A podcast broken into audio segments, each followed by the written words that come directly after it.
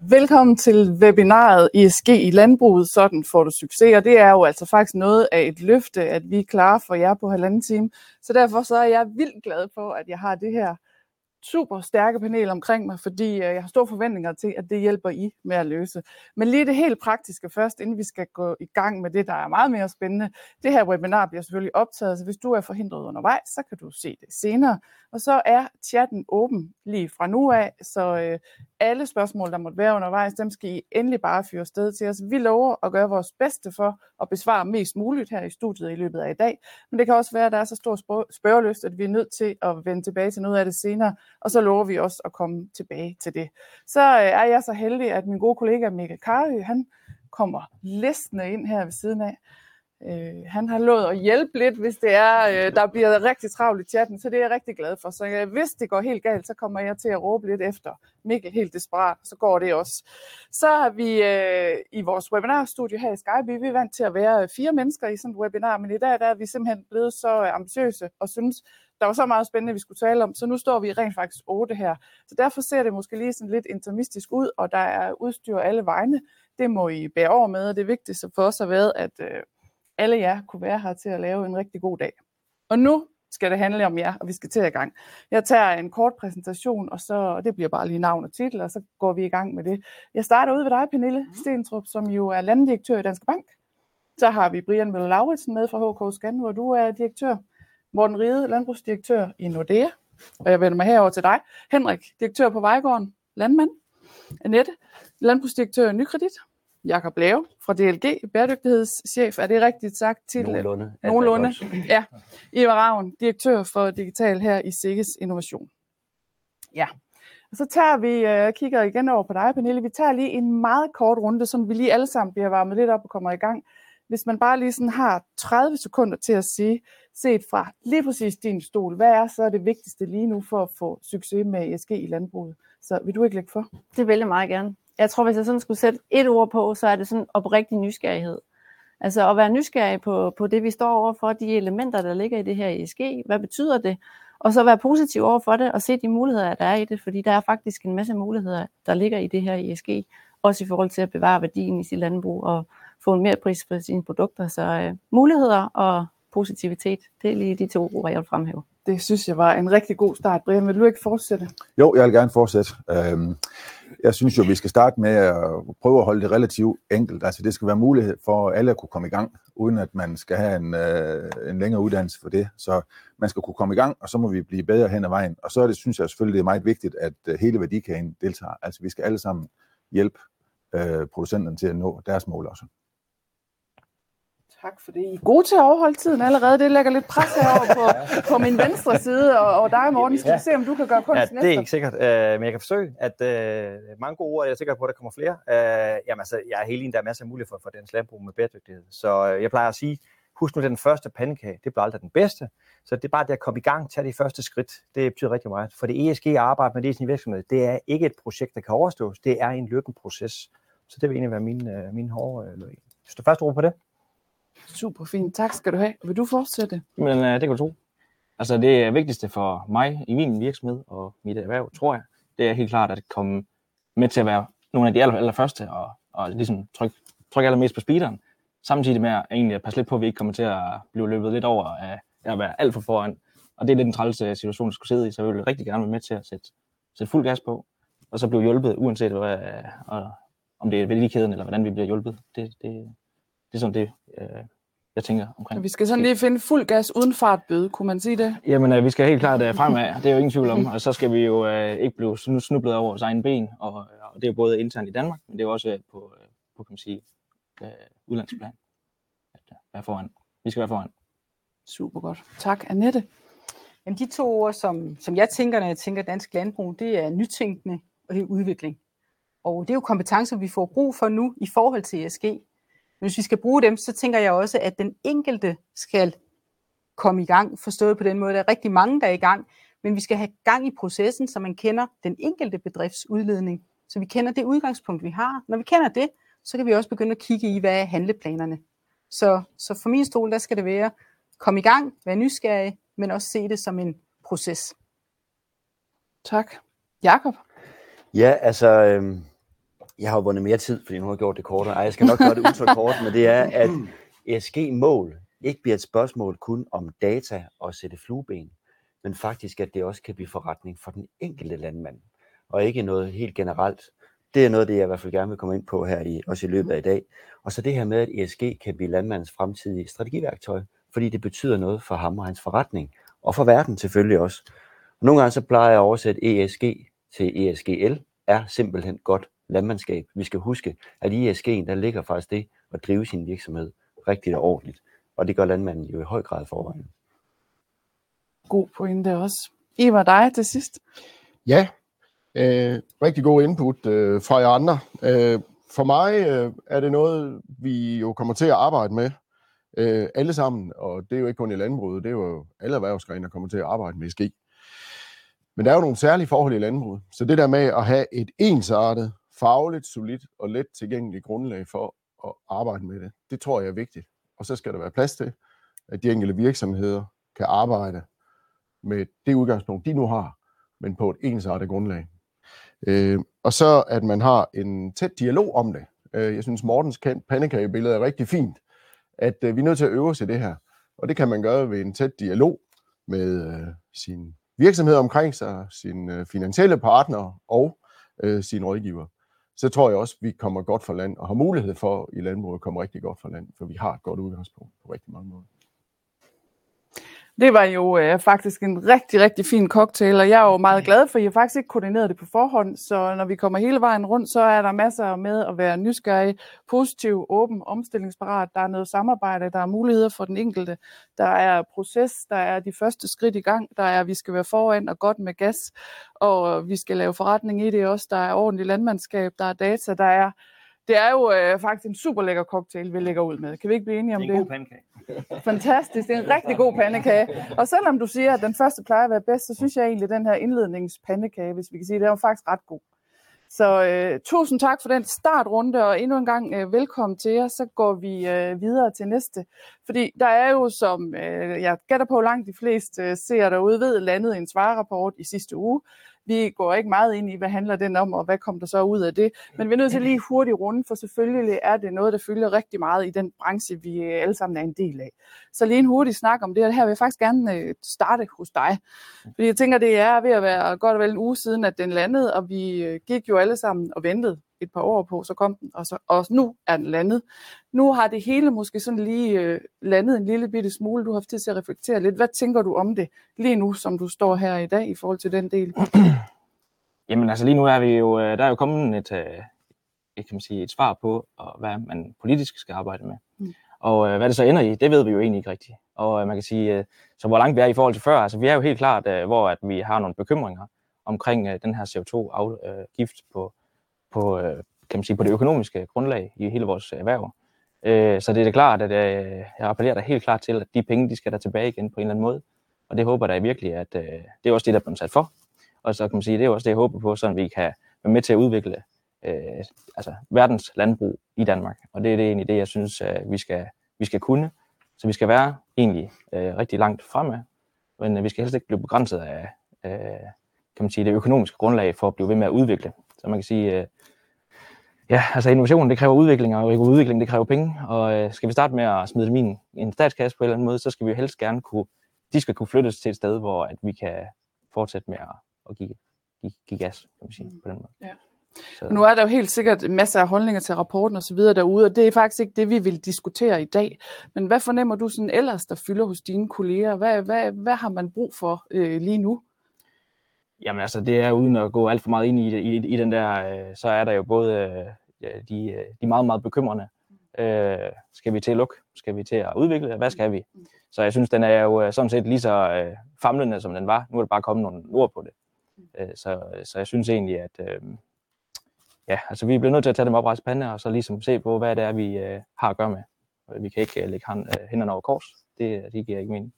Så øh, vi skal være åbne, men øh, ja, begge veje. Så vi, at der kommer lidt svar her fra panelet i dag på noget af det, man måske... Hvad har du selv, selv tænkt dig at gøre her i ventetiden? Sætter du det helt store i gang, eller afventer Jamen, lidt? Eller? Øh, det som mit udgangspunkt er jo, at øh, hvad er det, der sker i forhold til ESG, og alle de her ting har jo været øh, famlende. men vi bliver bare nødt til at, at gøre noget. Altså, vi bliver nødt til at prøve at starte med at måle øh, på vores bedriftsniveau, på vores produktniveau. Hvad er det, der er udledning på, og kan vi ligesom begynde at lave en handlingsplan på og gøre det bedre. Så øh, altså, jeg har ikke tænkt mig at vente. det, det duer ikke, fordi at, øh, så kan vi blive ved med at vente måske, og det, det ved vi ikke. Det kan også være, der kommer et svar i løbet af, af kort tid. Så, så mit, øh, min tilgang til det er, det er, at øh, vi bliver nødt til at akt, øh, arbejde aktivt for at gøre, gøre det tingene bedre. Så skal vi ikke vente på nogle politiske dagsordner. Det, øh, det er sjældent, øh, udviklingen den bliver hjulpet af politiske dagsordner.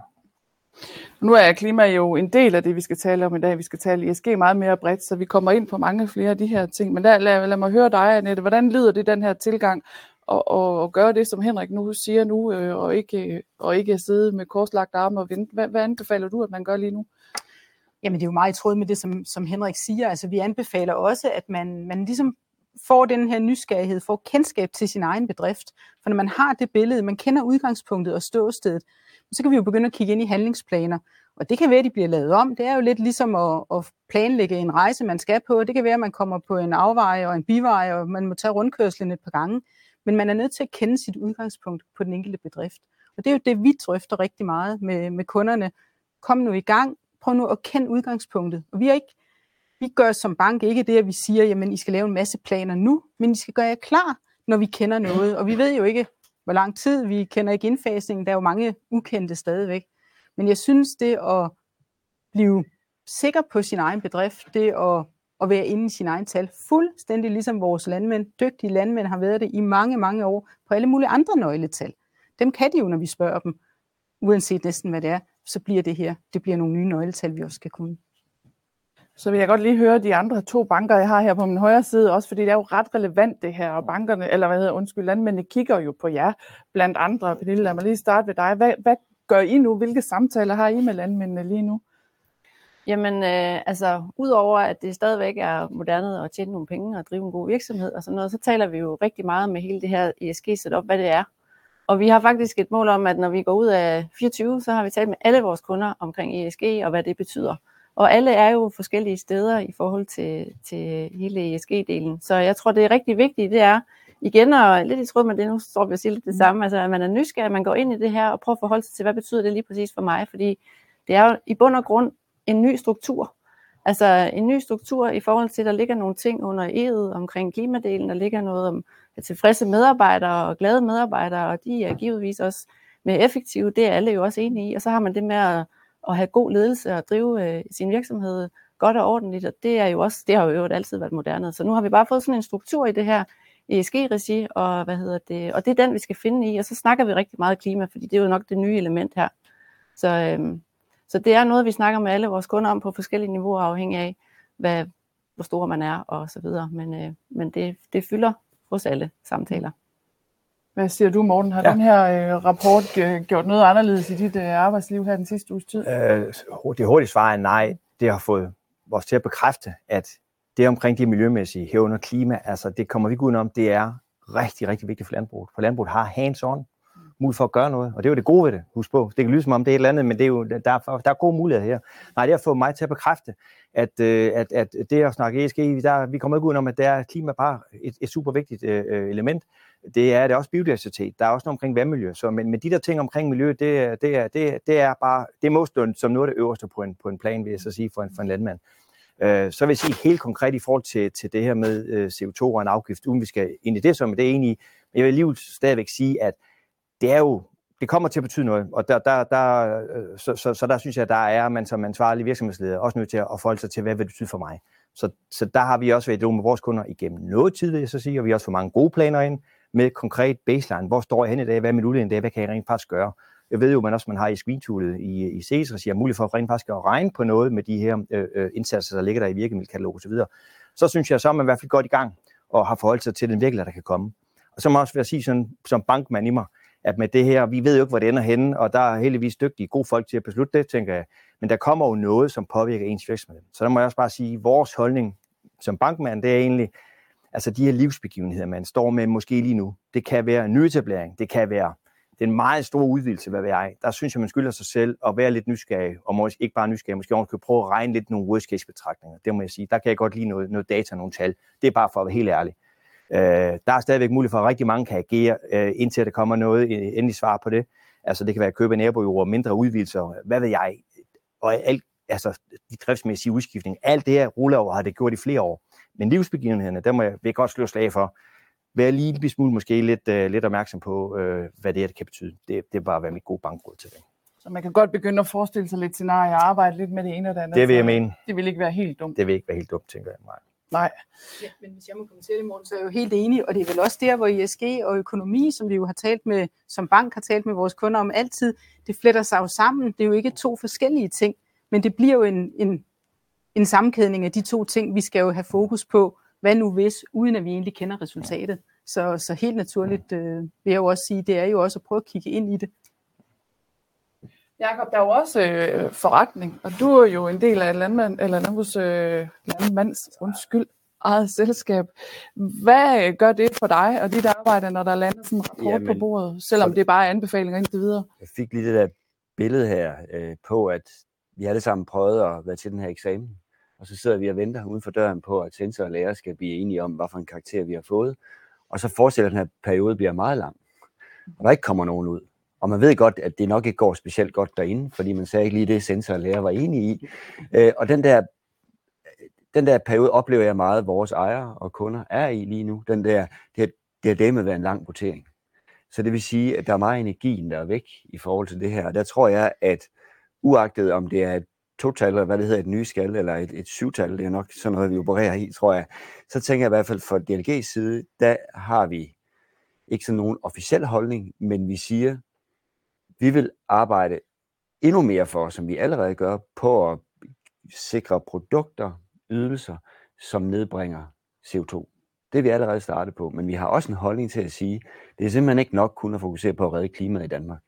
Det er en bunden opgave, det er en politisk opgave, men det er at sige, vi har nogle håndtag ud mod vores ejere og kunder, som er langt større, og dem skal vi ved med at tale op i det her, at der er grønt gødning, jeg kommer på nogle af dem måske senere hen, men altså, at vi faktisk har et katalog nu, der vil nedbringe øh, CO2.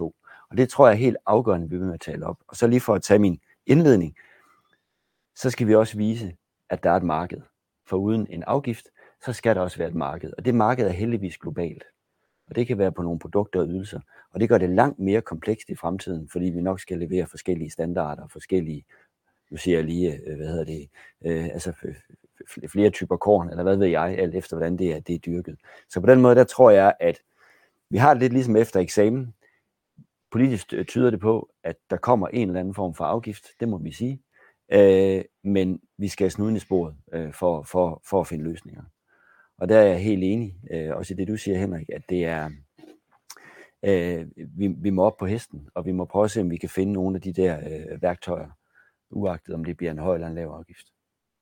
Og så vil jeg godt lige kommentere også på, på den der klimafond. Den synes jeg faktisk, vi taler alt for lidt om at hvis man betaler 100 kroner ind, så kunne man godt frygte, at der kommer 60 kroner tilbage, fordi mange skal røre den 100 kroner seddel, før den kommer tilbage til brug. Det er sådan set den største frygt, frygt øh, herfra, det er at sige, hvordan sikrer vi, at de penge bliver brugt til ægte udvikling øh, fremadrettet. Det, det, det tænker jeg godt, man må have en lille plan for. Ja. Så også der kunne det godt være en lille plan. Vi skal også lige høre dig, Brian, fordi nu øh, øh, kommer du ud fra en kyllingeverden, og der kan man sige, så er I jo på den grønne gren, eller hvad? For det er jo lidt øh, klimaduksen i den her sammenhæng. Eller hvor står du i forhold til, når der lander sådan en rapport her?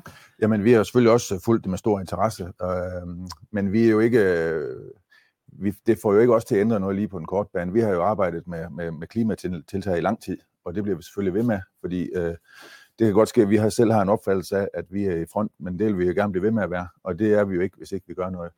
Så vi kommer til at arbejde også med vores øh, producenter på, hvordan øh, forbedrer vi, øh, vi klimaregnskabet. Og jeg kan jo sige til den der med, at ESG og økonomi hænger sammen, så kan jeg sige, at det gør produktivitet heldigvis også. Så derfor øh, er det jo, øh, og har altid været vores, øh, vores formål, at vi skal hjælpe øh, producenterne til at blive bedst muligt til at, at producere den her kylling, fordi så bliver det nemmere at opfylde nogle øh, klimamål, det bliver også nemmere at snakke med bankerne, øh, så alting bliver faktisk nemmere, og det vil vi gerne øh, støtte op om.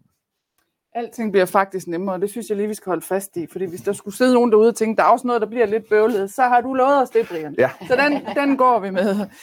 Ivar, du står derude og gemmer dig på sidelinjen, men der er jo også noget Sikkes Innovation i det her, fordi vi har jo blandt andet her i Sikkes Innovation talt en del om de her mange virkemidler, der er. Jakob, du er også inde på, vi har jo heldigvis også et katalog allerede, så, så vi har været lidt inde på det her med, at det er ikke nødvendigvis sikkert, at vi skal neddrosle produktionen. Vi vil langt hellere tale virkemidler. Hvor står vi henne på de der virkemidler?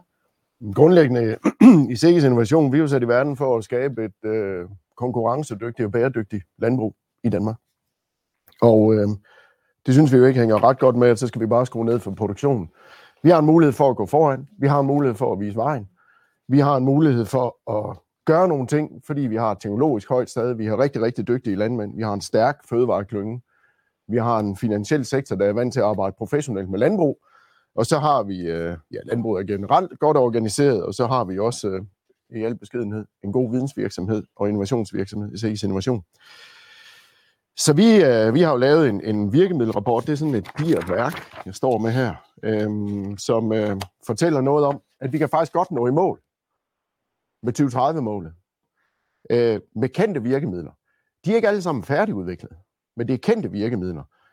Vi skal reducere 7,4 millioner tons, og vi har regnet ud, at øh, lidt afhængig af, hvordan nogle ting udvikler sig, jamen så kan vi lande et eller andet sted imellem 6,7 og 9,3 millioner tons. Øh, det vil koste nogle penge for erhvervet. Og der er det jo spændende, som du var inde på, Henrik, og andre også, hvordan får vi indrettet den her afgift, der kommer? Bliver der ført nogle penge tilbage til erhvervet? Hvornår bliver den indfaset? Vi står med en udfordring på, vi har nogle kendte teknologier, øh, nogle vi ved, der virker, men vi mangler noget skalering, altså at vi kan få dem udbredt i, øh, i stor størrelse, ud til praktisk anvendelse hos landmænd, at der er nogle virksomheder, der også skal lave en forretning på at udvikle de her virkemidler og sælge dem, og de bliver pristilgængelige på en måde, så vi ikke får trukket bukserne økonomisk af, fordi det, det dur selvfølgelig ikke.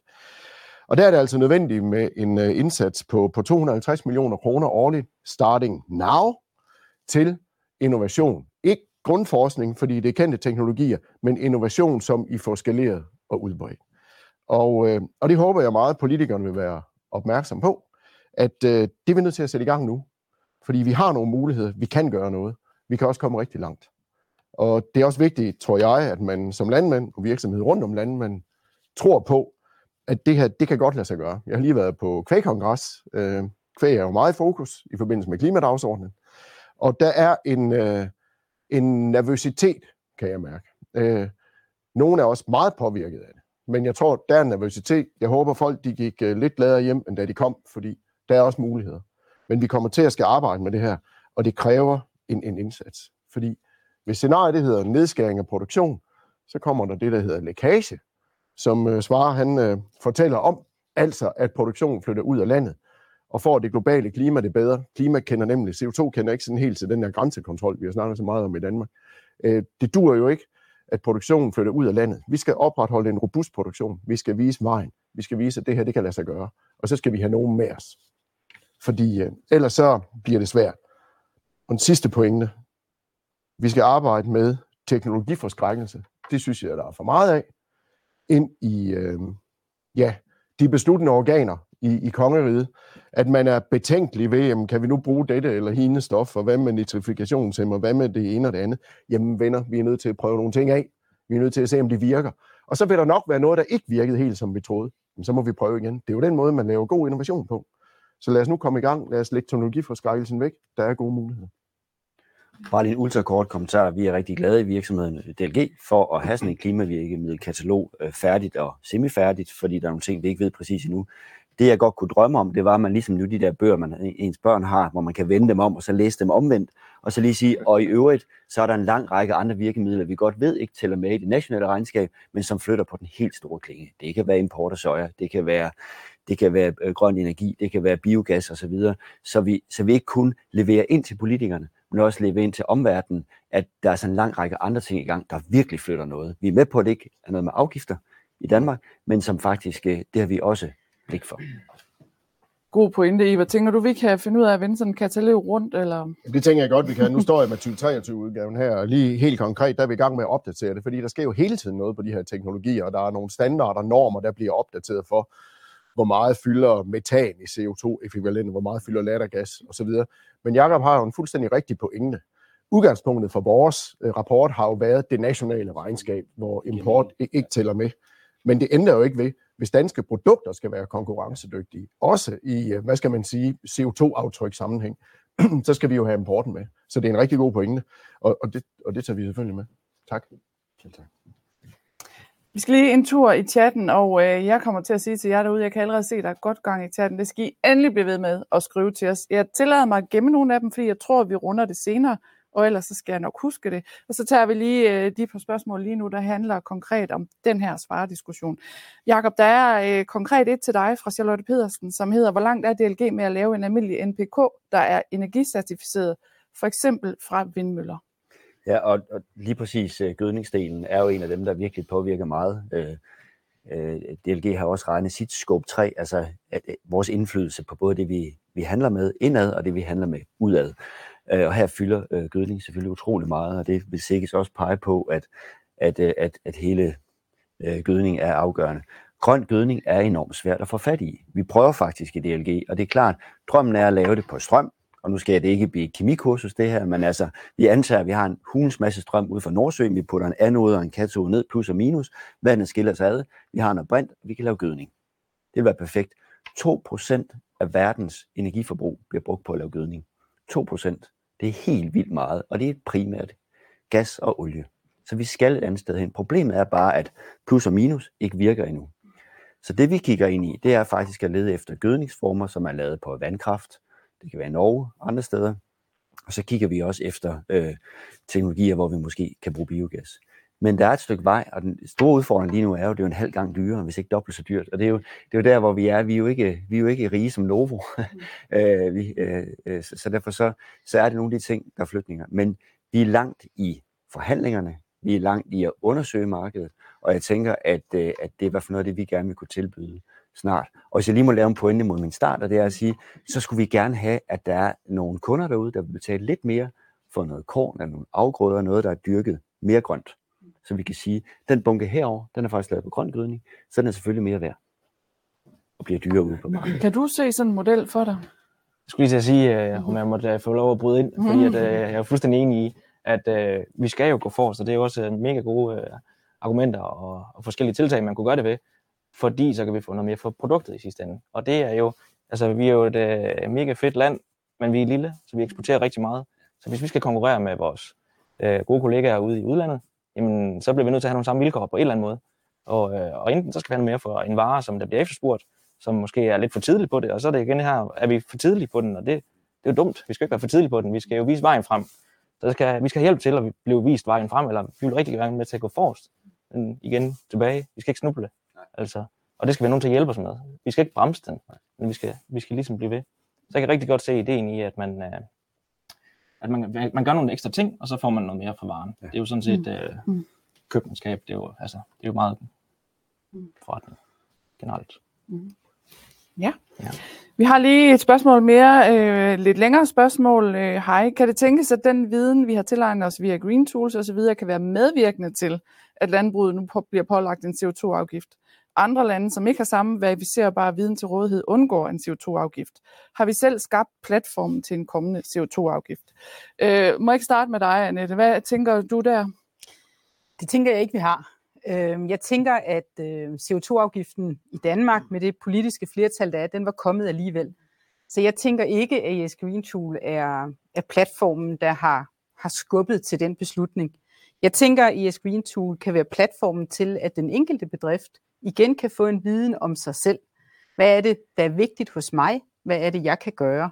Og, øh, og så kan vi jo ikke være mere enige i, end at pengene skal tilbage til landbruget igen, og vi skal innovere, vi skal have mere for vores rigtig gode produkter. Og det er jo en proces. Så, så tilbage til, at øh, jeg synes, det er vigtigt, at man kender sit eget udgangspunkt. Og der kan ES Green Tool være et rigtig godt værktøj, også et værktøj, som vi rigtig gerne støtter op omkring. Og så kan man, øh, så kan man prøve at arbejde med det. Så nej, jeg tænker ikke, at øh, det her det har været det. Og hvis vi kigger på Svares punkter, det er lavbundsjord, det er skov, så er det gødning, og så er det noget omkring husdyrene, så synes jeg heller ikke, at det er sådan, så at man tænker, nu tager vi bare resultatet fra Yes Green Så, så det er jeg ked af. Vi har heller ikke et øh, system, hvor vi bliver beskattet ud fra, at, at nu kan, får vi indberettet vores løn eller andet, hvis vi skal sammenligne over på et øvrigt erhverv. Så, øh, så det tænker jeg ikke.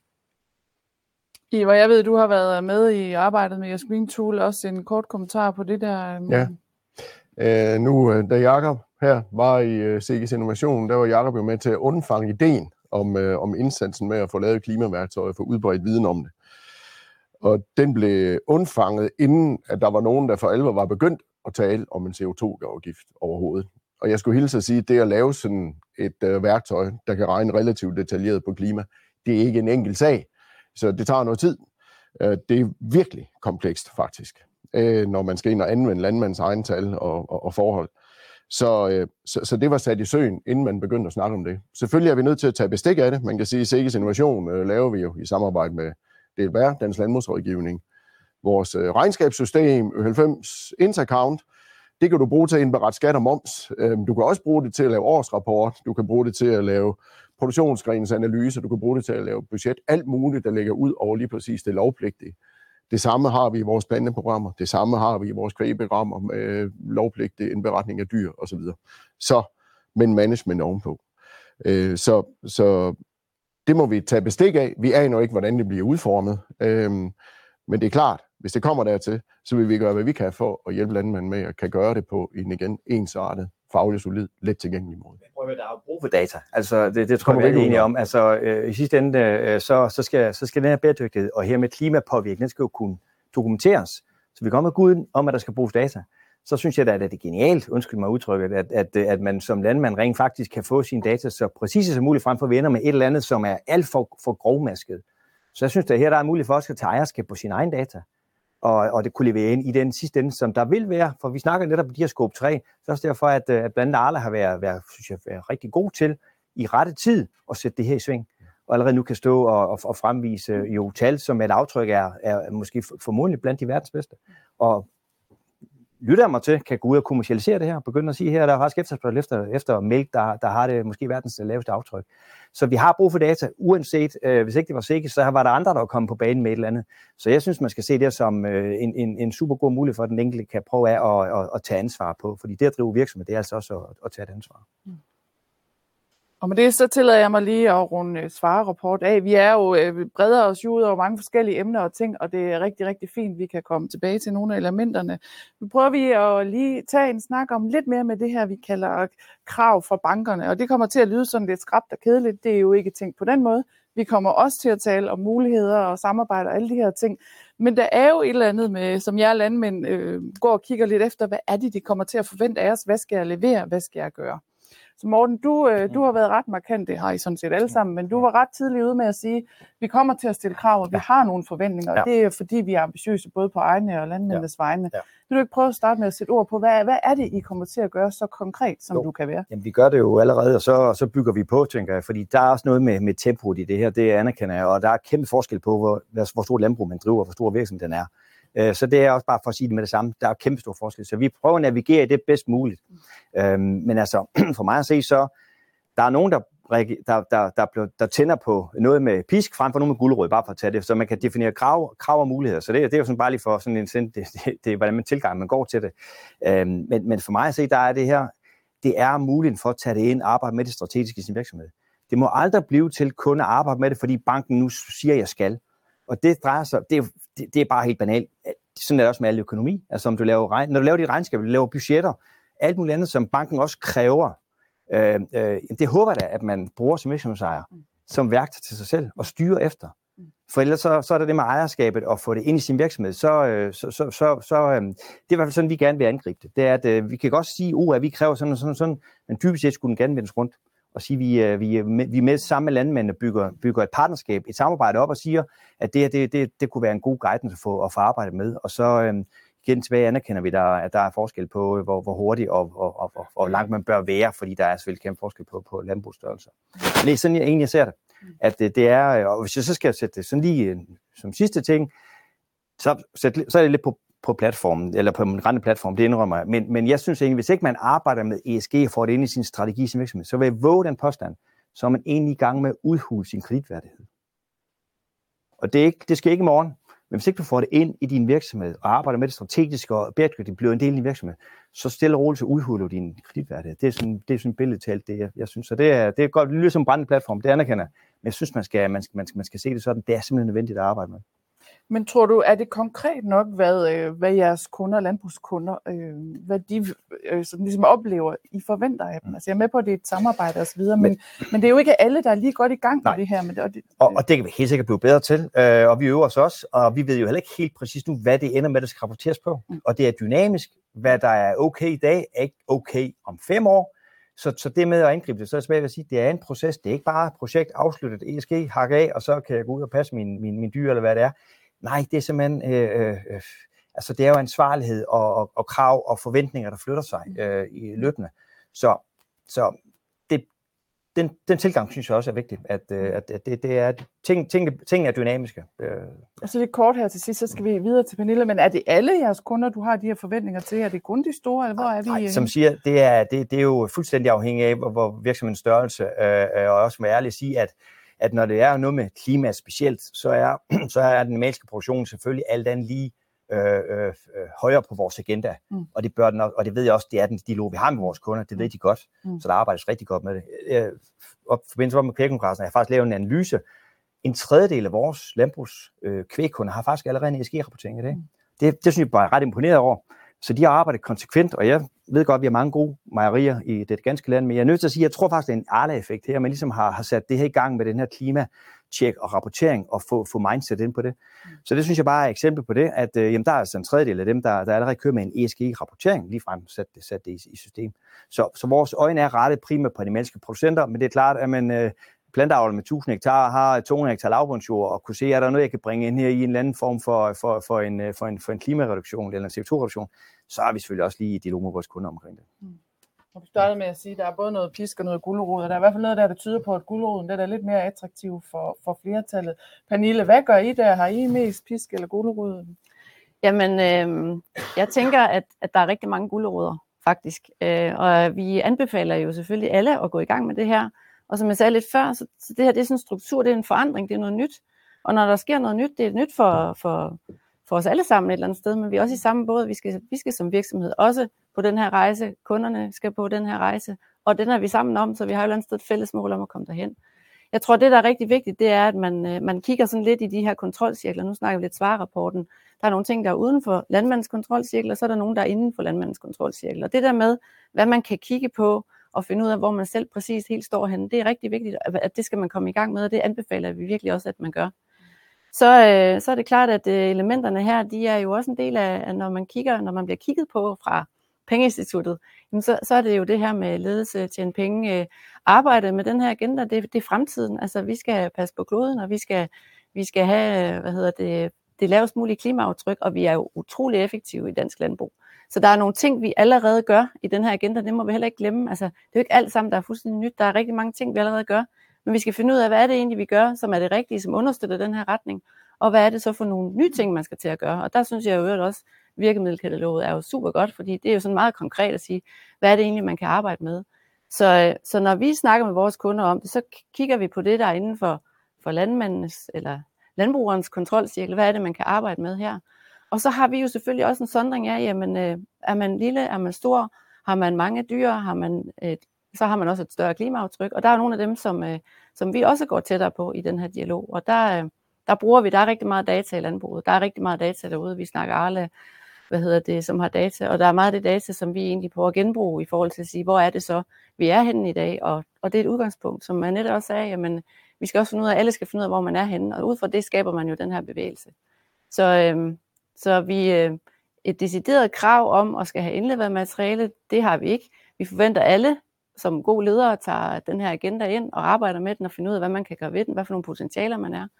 Og så er det klart, at, øh, at det er jo noget af det, som... Og der kommer meget mere data, vi bliver klogere, og lige nu er vi faktisk ved at asfaltere, mens vi kører på vejen. Mm. Og det tror jeg, vi kommer til at blive ved med. Øh, men, men vi har også lidt travlt alle sammen, så jeg tror, det er rigtig vigtigt, at, at vi er sammen, altså vi forstår det her, vi er sammen på vej derhen, og vi skal, vi skal løse den her opgave i fællesskab, og, og det kræver nogle forandringer, og det bliver man nødt til at, at se mulighederne i, for der er muligheder. Ja, og det kommer vi også tilbage til. Men nu siger Peter Tind lige her i chatten, det kunne være fint, hvis bankfolkene, står der her, vil være betydeligt mere konkrete ja. Ja. i forhold til de krav, de vil stille. Og det er jo noget, vi også her i Sikkes Innovation hører enormt tit, når vi Ja. udtaler, og det gør I sikkert alle sammen. Ja. Og det er jo også lidt det, jeg står og lige sådan og hakker lidt efter ja. ja. hos jer, ikke også?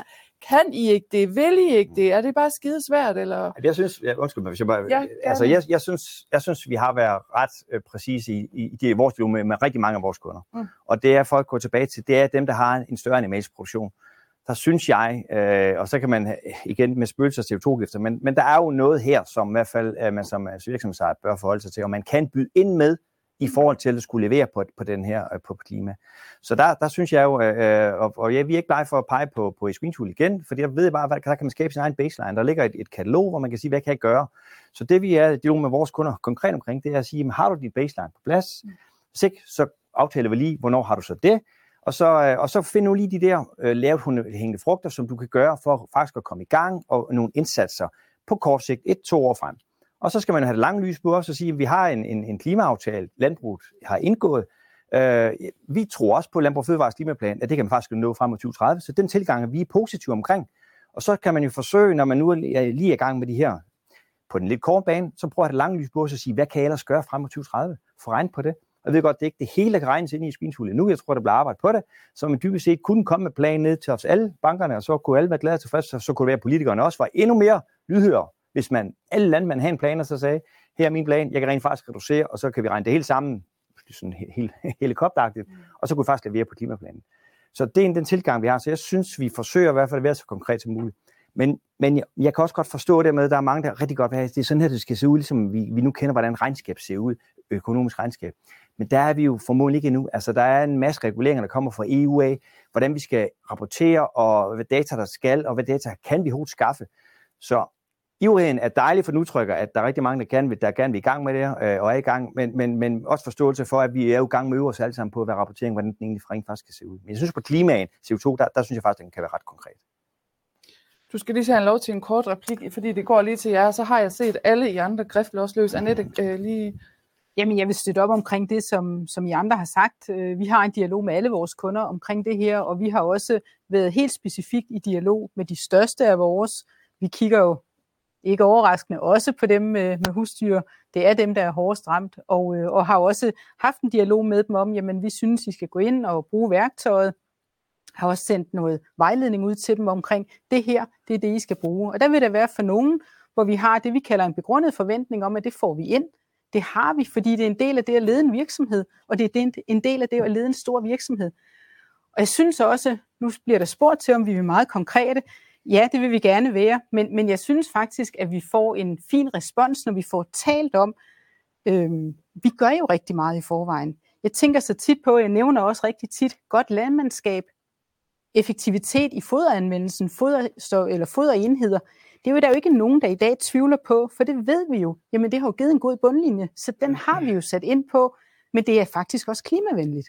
Så det her med også at finde nogle sammenhæng i, hvad er også klimavenligt, men hvad er også god økonomi.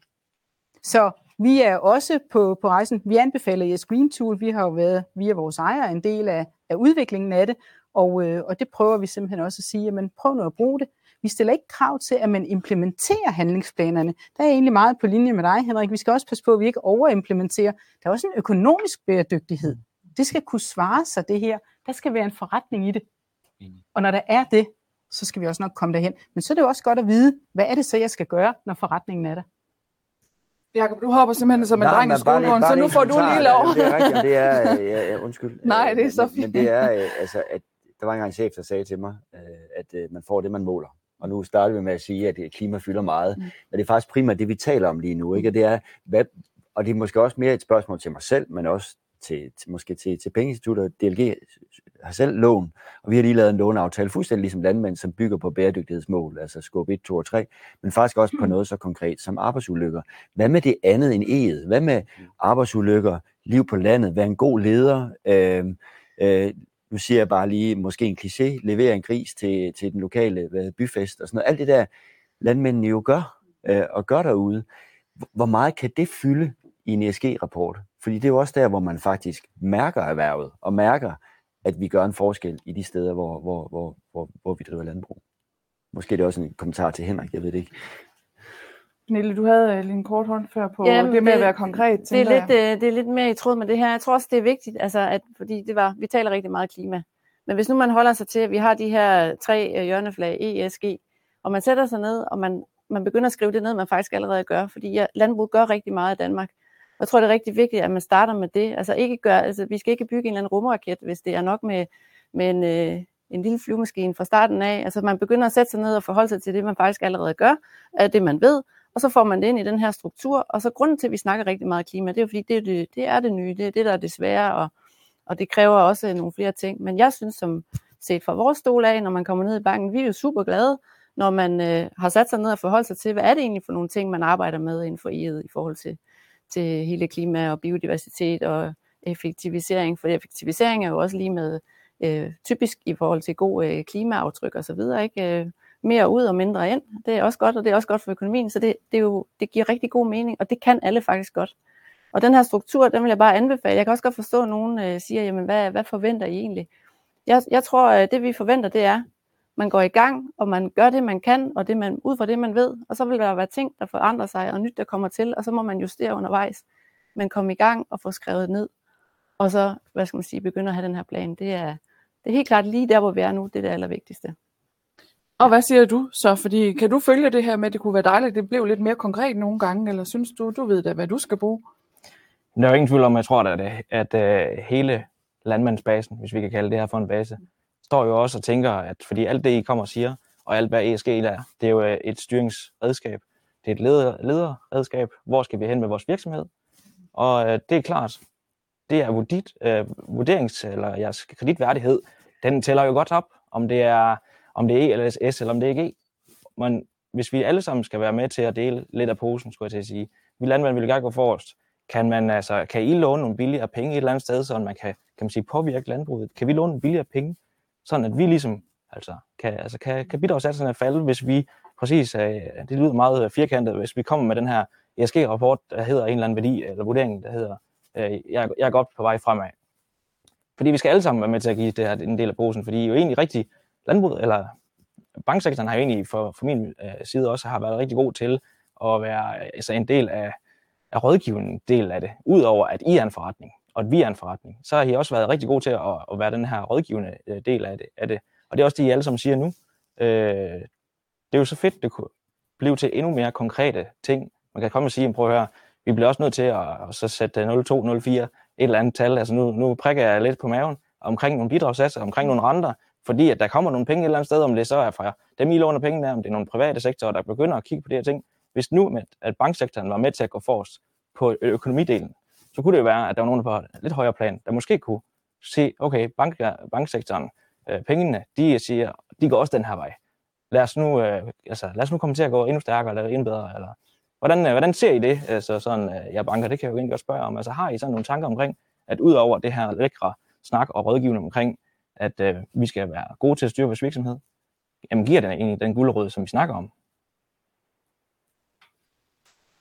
Jamen altså øh, indirekte, øh, og så, så kan du så sige, at det bliver sådan en politisk vej kommer nu, men som når jeg siger, det påvirker din kreditværdighed, det arbejde med ESG, så har du jo dermed også adgang til bedre priser og vilkår, hvis du arbejder med ESG, og, og, og modsat. Hvis ikke du gør det, så, så, så oplever du måske næsten modsatte.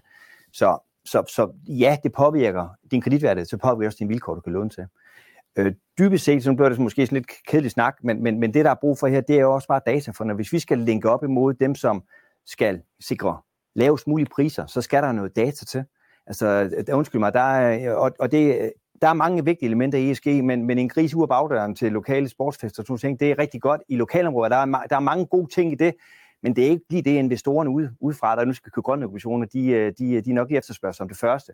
Der er de store issues, bare data på klima, på, øh, på, på, på, på, på de her ting, fordi det er jo det, der, der skal dokumentation til, det er, det der skal være dokumenteret bæredygtigt af grønt, hvis man skal ud, ud i den retning, det kræver simpelthen bare rigtig meget dokumentation, og, og så vi kommer ikke udenom at ende der på en eller anden måde.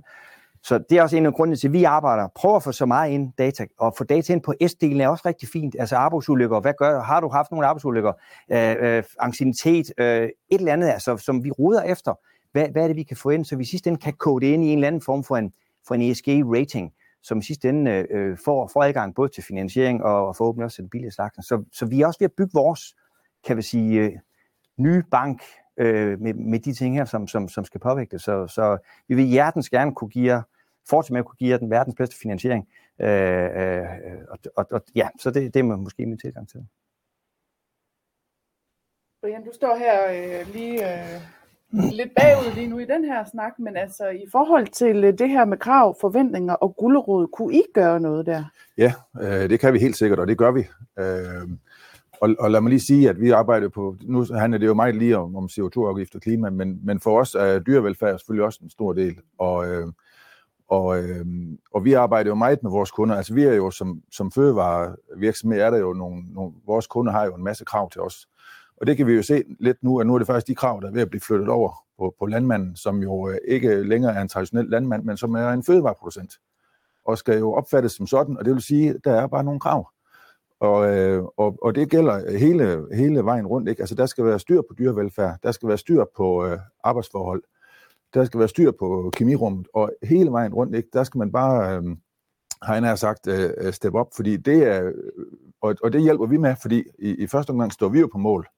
Når vi henter en kylling ud ved en, øh, en landmand, jamen, så står vi jo på mål for den kylling. Og det vil sige, selvfølgelig er vi nødt til at sætte nogle krav til landmanden, fordi øh, vi sætter jo vores navn øh, på kyllingen.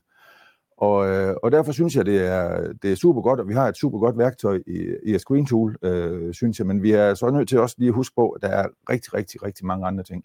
Og det vil jeg gerne også sige til, til pengeinstitutterne, det er, nu har vi gjort meget i og, og øh, produktivitet og, og dyrevelfærd, og, den, og, og, og det er også nødt til at kigge på, at hvordan, hvordan performer man egentlig ude på andre parametre, fordi der er jo selvfølgelig nogen, der får det svært med det her klimaregnskab, øh, men som måske gør det bare kanon godt på nogle andre områder.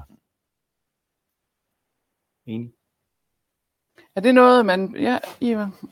Jeg synes, den, den her diskussion er virkelig interessant, fordi det viser jo med al ønsket tydelighed, både dig, Henrik, jer fra finanssektoren, dig, Brian, Jakob, at på en anden måde, end vi måske har været vant til, så trækker den her dagsorden hele vejen igennem kæden.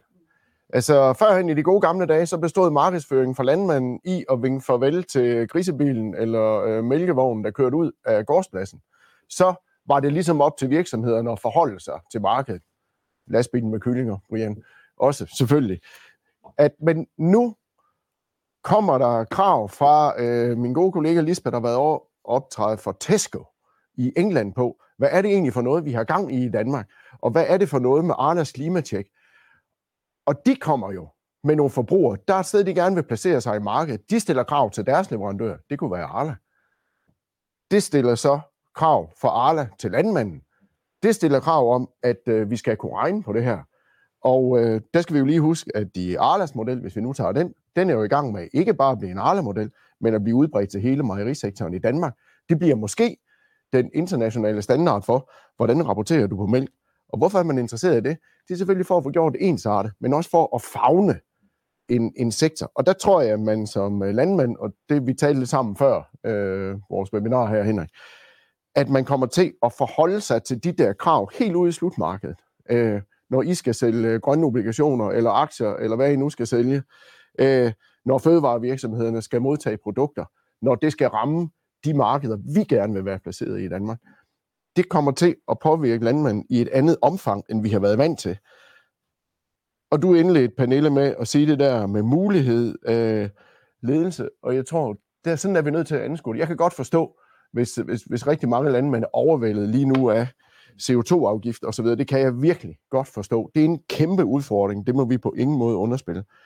Der er bare så mange andre ting i øh, uh, ESG, uh, øh, og der er så mange muligheder i at gøre det rigtigt, at det der med, tag det nu positivt, kom i gang, og det der med klima, det gør vi vores yderste for at løse, så vi har et konkurrencedygtigt erhverv. Vi er nogen, der står op for det og går sent i seng på grund af det hver dag. Det er der rigtig mange, der gør. Vi tager det ekstremt seriøst. Men vi skal også adressere dagsordenen bredt, fordi vi har nogle muligheder. Vi kan nogle ting i Danmark, og det er en konkurrenceparameter i forhold til konkurrencedygtig finansiering, men del med os, når vi skal ud og afsætte vores øh, produkter ude i markedet. Og der har vi altså nogle muligheder, den skal vi sørge med gribe. Jakob? Ja, og det vil jeg godt lige også understrege, er meget enig i, og det er vi også meget enige i i DLG, og det handler om, at, at foruden, altså klima er også bestemt også pengeinstitutterne har jo lært os, at der skal noget data på, og der skal noget data på, for man kan sige det, men, men der er også noget, noget data, som ikke er så en til en, fordi vi har i høj grad tabt forbrugerne og kunderne på CO2. Altså, øh, det, man forstår det ikke, og det er totalt abstrakt, men vi kan faktisk godt, de samme supermarkedskæder, som du omtaler ude i verden, de helt store, altså dem, der får vores egen til at ligne nogle bitte små øh, landsbykøbmænd, de taler om, at vi vil ikke længere have kreditter. Vi, vi, vi synes ikke, det med at købe en kreditpool på, på et eller andet mængde soja, for eksempel, eller palmeolie, eller andet, vi, vi importerer. Det er bare ikke godt nok, at man har et papir, hvor der sker noget andet et andet sted. Nu siger jeg lige, der bliver plantet et træ i et, et, et sted langt væk derfra, hvor man har hentet noget soja. Det er slut, fordi forbrugerne forstår det ikke, og det giver ikke mening. Så det vil sige, at der kommer også nogle blødere værdier på det her, som faktisk godt kan give data. Så kan vi diskutere, om vi flytter noget på CO2. Det er der meget, der ikke gør. Det kan også være blomsterstriber, det kan være sammenhængende natur, det kan være, som vi nævnte før, arbejdsulykker er måske lidt mere hardcore, men, men, men øh, medarbejdertilfredshed, altså nogle ting, som vores forbrugere og nogle i, længere op i værdikæden faktisk gerne vil give penge for. Og plus at det giver et super godt omdømme. altså, og der tror jeg, der skal vi virkelig holde ørerne og øjnene åbne i den her tid, for der er et marked, og der er nogle forbrugere, der begynder at kigge ind på et værd og siger, gud, har de tjekket på det? har de også tjekket på det? Så der er noget der at øh, rykke på også, og det kommer vi faktisk også tilbage. Jeg synes, jeg bliver ved med at sige, at vi kommer tilbage. Jeg håber også, at vi gør det lidt indimellem. Men vi har meget, vi skal snakke om endnu. Og lige nu, der skal vi også lige en tur i chatten. Der kommer et spørgsmål her fra Anders Mogensen, og det er lige lidt langt, så I må lige lidt godt efter her. Kunne der ligge muligheder og fælles interesser mellem landbruget og finansieringsselskaber i, at finansieringsselskaber selv får samlet data på landmandens ESG-investeringer? Med al respekt for Sikkes og Landbrug og Fødevare, så kunne der ligge noget politisk gennemslag i, at finansieringssektoren kunne bakke erhvervet op med data fra denne side. Sektoren samler i forvejen regnskaber ind på bedriftsniveau. Er der nogen, der lige vil øh, kaste sig over den? Ja, hvis jeg skal prøve, altså data er jo vigtigt, men, men det er jo rigtigt, at vi jo, vi er jo også på en rejse øh, i den finansielle sektor. Så, så jeg skal lige forstå, hvor, hvor tænker vi, Karina, kan du hjælpe mig, at de her data skal komme fra? Når vi får dem ind, så er jeg jo meget enig i, så vil vi rigtig gerne samle dem op. Vi kunne jo også sikkert om nogle år sige noget om, jamen hvad betyder det, når landmanden har arbejdet med sin, sin ESG-profil? Hvordan, hvordan kan, vi se, kan vi se en sammenhæng hen til økonomidelen? Fordi det var også lidt et spørgsmål til dig. Kunne vi stille nogle lavere priser? Det kunne vi godt, og det vil vi også gerne, men vi er jo også som sektor afhængige af, at vi har, det sagde Morten også, nogle data, men også at vi får valideret de data. Vi kender alle sammen godt det her, øh, øh, hvad hedder det, øh, hvor, hvor, hvor vi kan smykke os lidt med lånte altså greenwashing. Det skal vi jo også passe på med. Så, så, så det er jo en balance, der jo også er rigtig svær for os. Men jeg kan være lidt usikker på, hvor skulle data Ja, det, det kan komme flere steder fra, ja. fordi du har helt ret i, at få samlet data ind, det kan betyde mange ting. Lad os ja. høre, hvad du siger øh, først, Pernille. Ja, men det er også lidt, øh, altså allerførst, hvad er data? Altså, hvad kan data være? Ikke? Altså, data kan være et tal.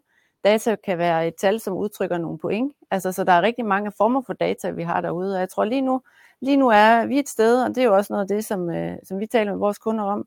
De største af vores kunder er vi ude og kigge ind i, hvad er det for noget man, data, man har leveret.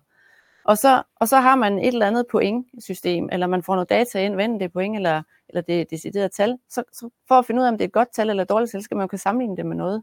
Så vi må også have en eller anden respekt for, at, at der er en eller anden tid, en tidsperiode, hvor der skal samles data ind, for at finde ud af, hvad er så øh, niveauet, hvornår er man bedre end, øh, end niveauet, eller hvornår er man under niveauet. Og det er jo der, det er i hvert fald der, vi er lige nu, det er, at vi samler data ind, og vi har et eller andet, altså vi, når vi kommer lidt længere frem, så får vi et eller andet niveau, og så finder man ud af, om man ligger over eller under. Jeg tror også, altså, så data er mange ting. Det kan være point, det kan være et, et tal, der udtrykker et, en, en CO2-udledning. Men, øh, men det er jo nok der, hvor vi alle sammen arbejder lidt forskelligt. Og landbruget giver mange data. I Arla, der er det point. Øh, og der er det jo antal point, der gør, om man er over eller under. Så, så, så data er mange ting, det er egentlig bare det, jeg vil sige. Og jeg tror lige nu, øh, er vi nok alle sammen sted hen, hvor vi finder ud af, hvad, hvad, hvad for noget data bruger vi, og, øh, eller skal vi have, og hvad, hvad bruger vi det så til? Og Brian, du var lidt inde på før, kunne man også i den finansielle sektor begynde at kigge lidt på, om der er altså også noget dyrevelfærd, der bliver vigtigt. Der er nogen, der kommer til at score rigtig højt på nogle parametre mm. i fremtiden, som kommer til at bløde lidt nogle andre steder osv. Kunne I gøre noget mere også for at finde samle nogle data, eller i hvert fald nogle måle parametre, eller hvor, hvor står du på det? Jamen det kunne vi godt, men nu har vi jo øh, med respekt for de andre brancher, så har vi jo ufattelig meget data. Og, øh, og øh, vi kan, vi har jo, øh, og det er jo startet med sporbarhed, og det er startet med noget, vi måske også øh, egentlig burde tænke på, det er jo øh, fødevaresikkerhed og biosikkerhed. Men vi er jo startet for lang tid siden med at, at lave et kvalitetssikringsprogram, så det vil sige, alt, hvad der foregår ude ved vores producenter, det har vi faktisk 100% styr på. Og det vil sige, at vi kan faktisk også gå tilbage, sådan i hvert fald på slump, og sige, hvad var klimabelastningen egentlig for, for, for 10 år siden og for 15 år siden, fordi vi har data. Øhm, men der er mange ting, vi kan gøre, og nu med, med sojaen, ikke? Vi, vi synes jo også, at vi hjælper øh, øh, vores leverandør lidt ved at sige, at vi har faktisk gået ind og lavet en aftale sådan, med hensyn til ansvarlig soja, så det er der faktisk lidt styr på. Men så kommer jo, som, som I var nævnt, Tesco, vi har sådan, og det er så altså ikke kun de store, kan jeg sige, for vi har en, en, en godt nok stor kunde i Sverige, men dog i Sverige, som, som, øh, som siger nu, jamen, øh, hvordan får vi det der soja væk? Hvad er jeres plan for at udfase soja? Og så paler jeg lidt og siger, ah, det kan vi nok ikke sådan lige øh, gøre fra den ene dag til den anden, øh, men øh, det hjælper ikke rigtigt. Og så er vi jo nødt til at kigge ind i, jamen, okay, kan vi starte med at erstatte 5 eller 10 procent af sojaen, og hvordan gør vi så det? Så vi er hele tiden nødt til at kigge på, jamen, hvordan kan vi blive bedre? Og, og vi, vi gør alt, hvad vi kan for at understøtte, og det vil vi, det vil vi fortsætte. Og om der kan være en eller anden form for, for, for afregning, eller en eller anden økonomisk gevinst, eller, eller det modsatte, øh, det er heller ikke utænkeligt, fordi vi, vi skal videre.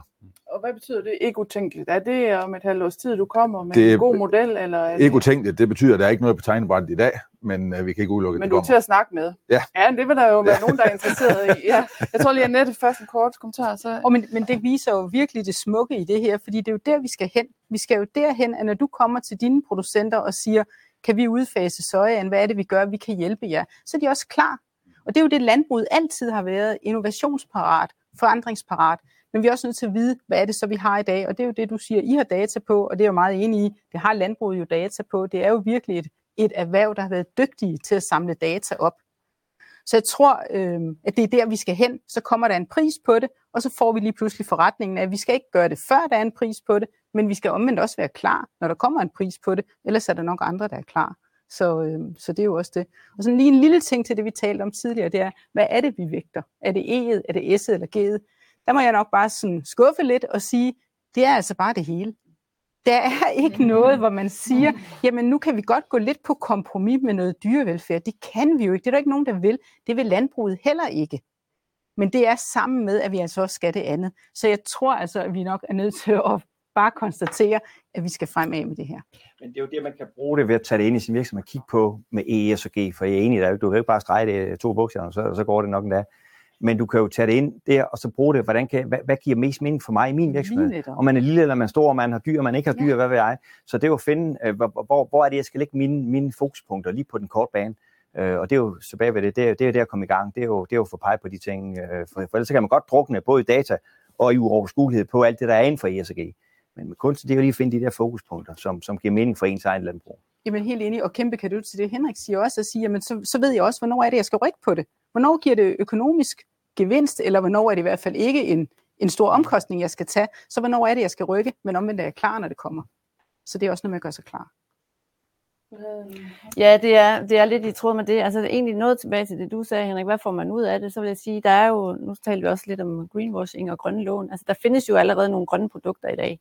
Og man kan sige, for at lave et grønt produkt øh, som pengeinstitut, jamen så læner man sig op af taksonomien, som er ligesom vejledning til, hvornår noget må være grønt.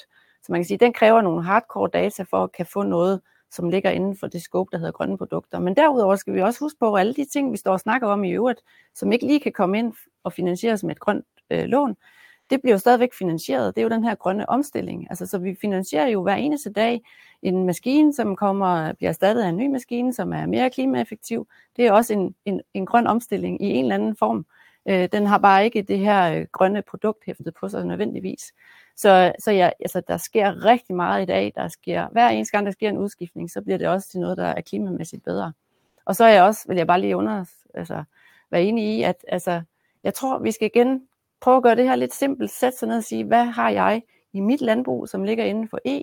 Hvad er det for nogle ting? Hvordan øh, driver jeg markerne? Hvordan øh, håndterer jeg dyrene? Er der nogle af de ting her, som jeg gør, som egentlig understøtter det her grønne? Og er der nogle ting, jeg burde gøre mere af for at komme mere i den grønne retning? Og så tager vi medarbejderne på samme måde og siger, hvad er det, man gør der? Altså man simpelthen prøver at bryde det her ned i noget, noget simpelt, og så prøve at komme i gang med det, og så kan man bygge det ud derfra. Men jeg tror, det er rigtig vigtigt, at vi trækker det ned til, øh, altså til ESG, alle, alle tallene, alle bogstaverne, og så arbejde med det, og så kan man bygge op derfra. Så det er helt klart, øh, ja. Bare lige for at komme igen på dataspørgsmålet. Jeg tror faktisk lige, jeg har den, den jeg prøver lige et omvendt argument. Nej, jeg synes faktisk ikke, det skal være pengeinstitutterne, bankerne, der skal eje, hvad hedder det, data.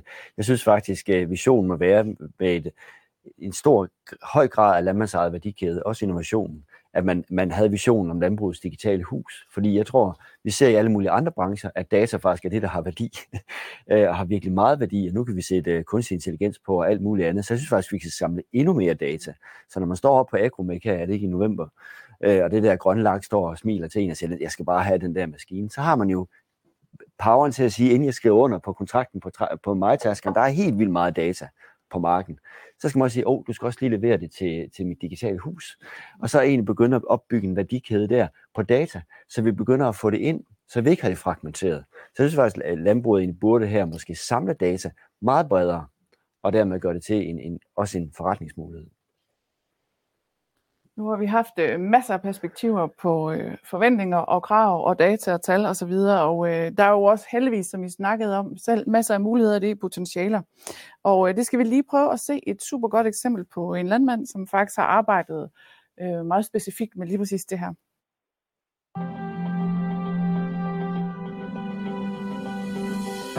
Jeg tror egentlig ikke, at mine medarbejdere, mine kører eller min natur omkring mig kan mærke, at jeg har lavet en ESG-rapport, men det tror jeg i det lange løb, at det kommer til at kan mærkes.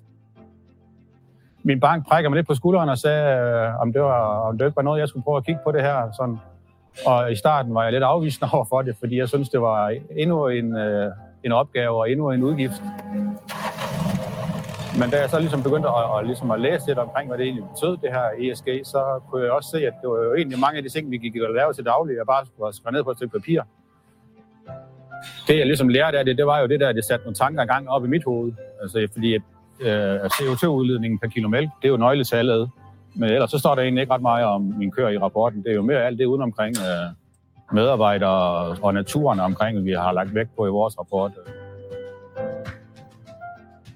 Mit store, store ønske, det er, at man i branchen, i landbrugsbranchen og kvæg, sætter sig sammen, mejerier, slagterier, øh, sammen med pengeinstitutter og finde ud af, hvordan sådan en rapport den skal se ud, hvad der skal være i den, hvilke nøgletal der skal være i den. For lige nu der, der gætter vi alle sammen på, hvordan den skal se ud.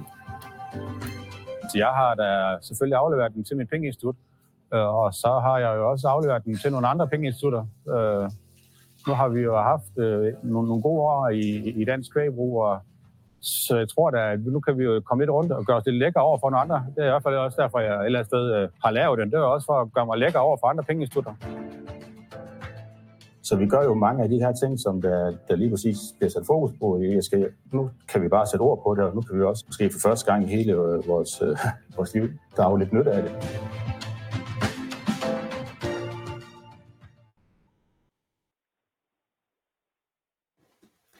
Altså, der er jo, jeg ved næsten ikke, hvor jeg skal starte i forhold til den her video, for der er så mange gode pointer. Det er klart, så noget lige præcis øh, øh, inde på det her med, at vi gør så mange gode ting i forvejen. Nu får vi, høster vi måske efterhånden fordelene. Der er også noget med, at man faktisk skal gøre sig lidt lægger over for nogle andre banker, så det er være, at man skulle til at passe lidt på, også som bank, ikke også? Ja, det er da skide godt.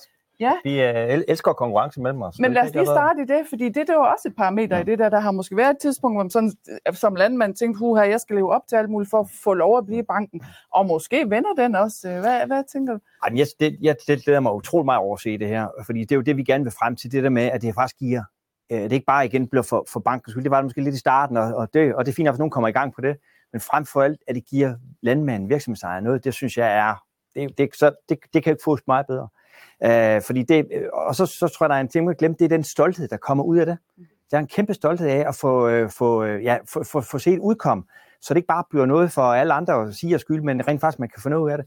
Og så tror jeg ikke, vi skal undervurdere det her med tiltrækningskraften. Altså landbruget skal også for at kunne tiltrække de gode, dygtige, unge medarbejdere fremadrettet, så tror jeg på det her med, at ikke bare man producerer kvalitetsfødevarer, alt det vi har øvet os i at sige, men rent faktisk også det er bæredygtige fødevarer. Altså det tror jeg bare ikke, man skal undervurdere i det her med at arbejde med, ind i den retning for at kunne tiltrække øh, øh, øh, øh unge medarbejdere fremadrettet.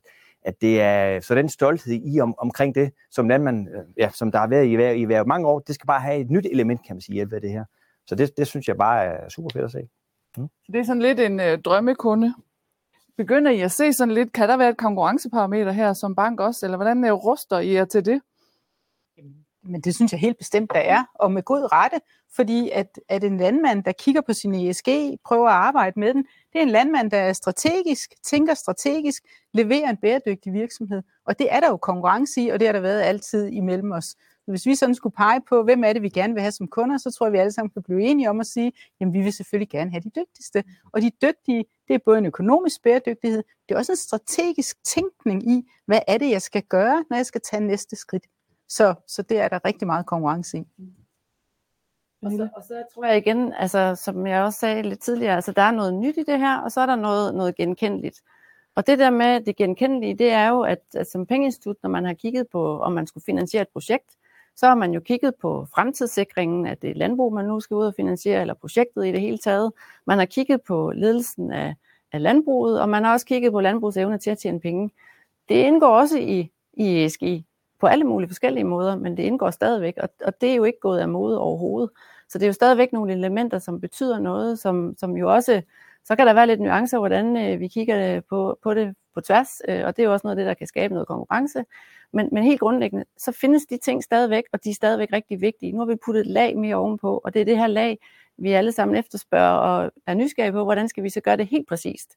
Men, øh, men, men det andet er der stadigvæk, og har hele tiden været der. Det synes jeg også bare er vigtigt, at vi skal ikke, øh, altså det er nyt, men så nyt er det heller ikke. Der er mange ting, som er genkendelige.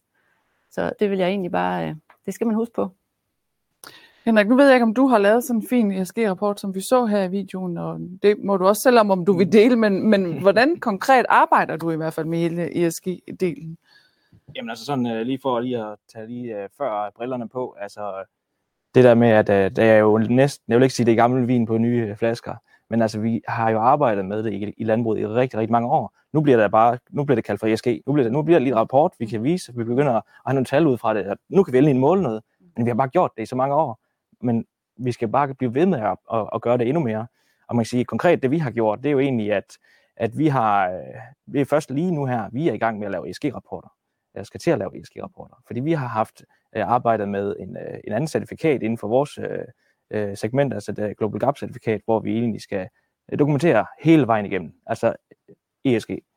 Og det er bare på det større øh, worldwide plan. Og, øh, og det har jo fået os til at snakke både omkring, øh, hvad kan vi gøre for at sprøjte mindre og gøde mere korrekt. Øh, alle de her gode dagsordner, som der er. Hvad kan vi gøre for at fastholde vores medarbejdere? Hvad kan vi gøre for, at de bliver inspireret og synes, at det er spændende virksomhed, vi arbejder i? At det ikke bare bliver en eller anden, øh, nu kører vi bare i samme plovfuge, uanset om vi har været her i 1, 2 eller 15 år. Øh, så, så det er jo noget, vi har aktivt gjort, inden øh, vores fine ESG-rapporter øh, eller værktøjer kommer frem. Og det skal man også huske som menig landmand. Altså, vi er jo noget, vi har arbejdet med. Vi skal bare begynde at sætte ord på det. Vi skal begynde at sætte data på det, tal på det. Fordi at så vi kan begynde at bevise noget i den sidste ende. Mm. Og øh, vi skal huske, vi er, vi er, jo, vi er jo også øh, vi er jo ikke kun i en, i en kasse. Det er vigtigt at grisen til, til lokalsamfundet. Selvom det ikke rigtig helt betyder noget, så betyder det faktisk rigtig meget. Mm. Øh, fordi der er måske 200, 500, 1000 mand i lokalsamfundet, som siger, så gør det nok ikke så meget, at øh, lige har en kørt lige den nat ude foran mit vindue. Øh, få nogle blomster op. Jeg ved godt, nu kommer vi på de bløde værdier, men det er bare vigtigt, at vi tager hele øh, stemplet ESG med ind i os, altså det gode landmandskab hele vejen rundt. Det er vigtigt, øh, også fordi, jamen vi fylder, vi sviner, vi lugter. Jeg ved ikke, hvad vi kan sige af dårlige ting ellers, men øh, trods alt så laver vi faktisk noget, vi alle sammen vi lever af hver dag, tre gange om dagen. Så det skal vi også lige prøve at huske. Så, øh, så det, er sådan, det er sådan, vi arbejder på det, og har arbejdet på det længe. Og vi vil selvfølgelig gerne komme over i nogle værktøjer, som bliver den der genkendelighed, altså ESG'et, sådan at man kan sige, jamen øh, det går fedt inden for dansk landbrug, altså sige her, det er det, altså ligesom med, med Arla her er i gang med forhåbentlig at få lavet et samlet produkt, som man ligesom kan sige ude på det worldwide, så sige, jamen prøv her, hele Danmark, de kommer med en mælk, der er sådan og sådan. Det er meget bedre. Men, men alle de her gode øh, små historier, du også er inde på. Nu læste jeg forleden en artikel i Berlingske, hvor Johannes Nørgaard Fransen, som jo blandt andet er øh, eller uddannet landmand også, men som er historiker og professor emeritus i litteraturhistorie og meget andet fint. Men han har et blødende hjerte stadigvæk for dansk landbrug, men han siger, vi er ved at tabe kærligheden til dansk landbrug. Vi er ved at miste stoltheden deraf. Vi kender ikke længere landmænd, og vi ved ikke nok om det det er jo vigtigt i forhold til det her. Har vi så råd til at sige, nej, nah, men den der gris, man lige leverer, eller hvis vi vander fodboldbanen, det mål, måles ikke helt, vi forstår godt, hvad du siger, men er det, har vi råd til at have den holdning til det? Nej, altså det, det, det, der er jo et farsignal i, at, at, at øh, altså by kontra land, det må jeg være ærlig sige, uden det skal blive en diskussion i, i sig selv. Mm. Men, men det er da enormt vigtigt, den her med uh, license to produce, uh, at den er opmærksom på. Det er også en del af ESG'en. Altså det er, at, at uh, selvom vi eksporterer 80%, så skal vi jo have øh, opbakning herhjemme. Øh, lokalt øh, skal der være, være fuld respekt og anerkendelse af, at, at øh, ja, Øh, det lugter øh, måske en lille smule og sviner også lidt en gang imellem, men så, så det der er helt enig i, det er, det er, jo, det er jo helt den her, øh, øh, så, så der, er, der er et kæmpe issue i at sikre, at den her øh, anerkendelse øh, og, og ja, øh, øh, respekten for det, at den, den, den skal vi opretholde. Så, så det, er, det, det, det, det er et kæmpe issue i det. Øh, men jeg synes ikke, der er nogen, øh, altså det, det, det synes jeg også bare er en del af, hele, af det her, der bliver arbejdet med, og jeg er egentlig det her landbrug været dygtig til i rigtig mange år, så det, er jo ikke, det skal man jo ikke stoppe med. Så det er jo mere at finde nogle flere elementer på, for, for, for at fortsætte ud i det spor. Lige hvad du havde. Jamen, jeg stod, fordi jeg hørte uh, samme Johannes Nørgaard Fransen i, uh, i radio uh, den morgen. Og vi har jo behov for en Make Landbruget Great Again bevægelse. Fordi folk i byerne nu omstunder er jo ikke ligesom uh, mig selv, der voksede op på landet. Nu bor i Aarhus, men kan godt sådan nogenlunde huske, hvordan det var. Uh, Herre fra Danmark aner ufatteligt lidt om landbrug. Og jeg synes, Morten har en god vinkel med license to produce, altså vi skal kunne være her. Og måske interesserer verdensmarkedet sig ikke så meget for, for grisen ud af bagdøren. Det kunne være, at skat ville det i øvrigt, men nu producerer du kartofler, så det går nok endda. Men, øh, men, men, men det har vi brug for. Og hvis vi nu er lidt kloge og dygtige, og nok også arbejder relativt hårdt på det sammen i hele klyngen, så kan ESG dagsorden paradigme. Og husk nu på, det er stadig under udvikling. Det er også derfor, at det er sådan lidt forskelligartet, og hvor står jeg? Men det er en naturlig ting. Det er stadig under udvikling. Men måske kan det være afsættet for, at vi nu får sat i system, at vi kan rapportere på de gode ting, vi gør. At vi kan benchmarke os, for det kommer vi jo til. Det er jo ikke bare en dansk dagsorden, ESG. Det er jo internationalt. Op imod andre, jamen hvor står vi egentlig henne? Også på vores bæredygtighed, for det fylder naturligt nok meget hos øh, forbrugerne i Danmark, eller herre fra Danmark, som jeg tillader mig at kalde dem. Øhm, så tag det positivt, og tag det som afsæt til, at vi kan make landbruget great again, ikke bare os imellem, der er tæt på i det daglige, men i samfundet, for vi har ufattelig meget at byde på. Og sikkert en klynge, vi har med landmænd, virksomheder, stort internationalt marked, kæmpe anerkendelse. I får sikkert også besøg af internationale besøgende, der vil høre om, hvad er det, I går og, og roder med i Danmark. Det ved jeg, I gør hos DLG. I er også en international virksomhed, Jakob. Og det er jo ikke, fordi der kun sker spændende ting i Danmark. Vi får masser af besøgende her, der vil høre, hvad er det, vi går og roder med, og hvordan i alverden kan I gøre det så godt, som I gør. Og ej, hvor kunne det være fedt, måske her at få sat på formen det kan vi rent faktisk vise omverdenen. På troværdig vis, hvor vi skal have styr på vores data, og vi skal ikke lave greenwashing, vi skal have ordentlig dokumentation.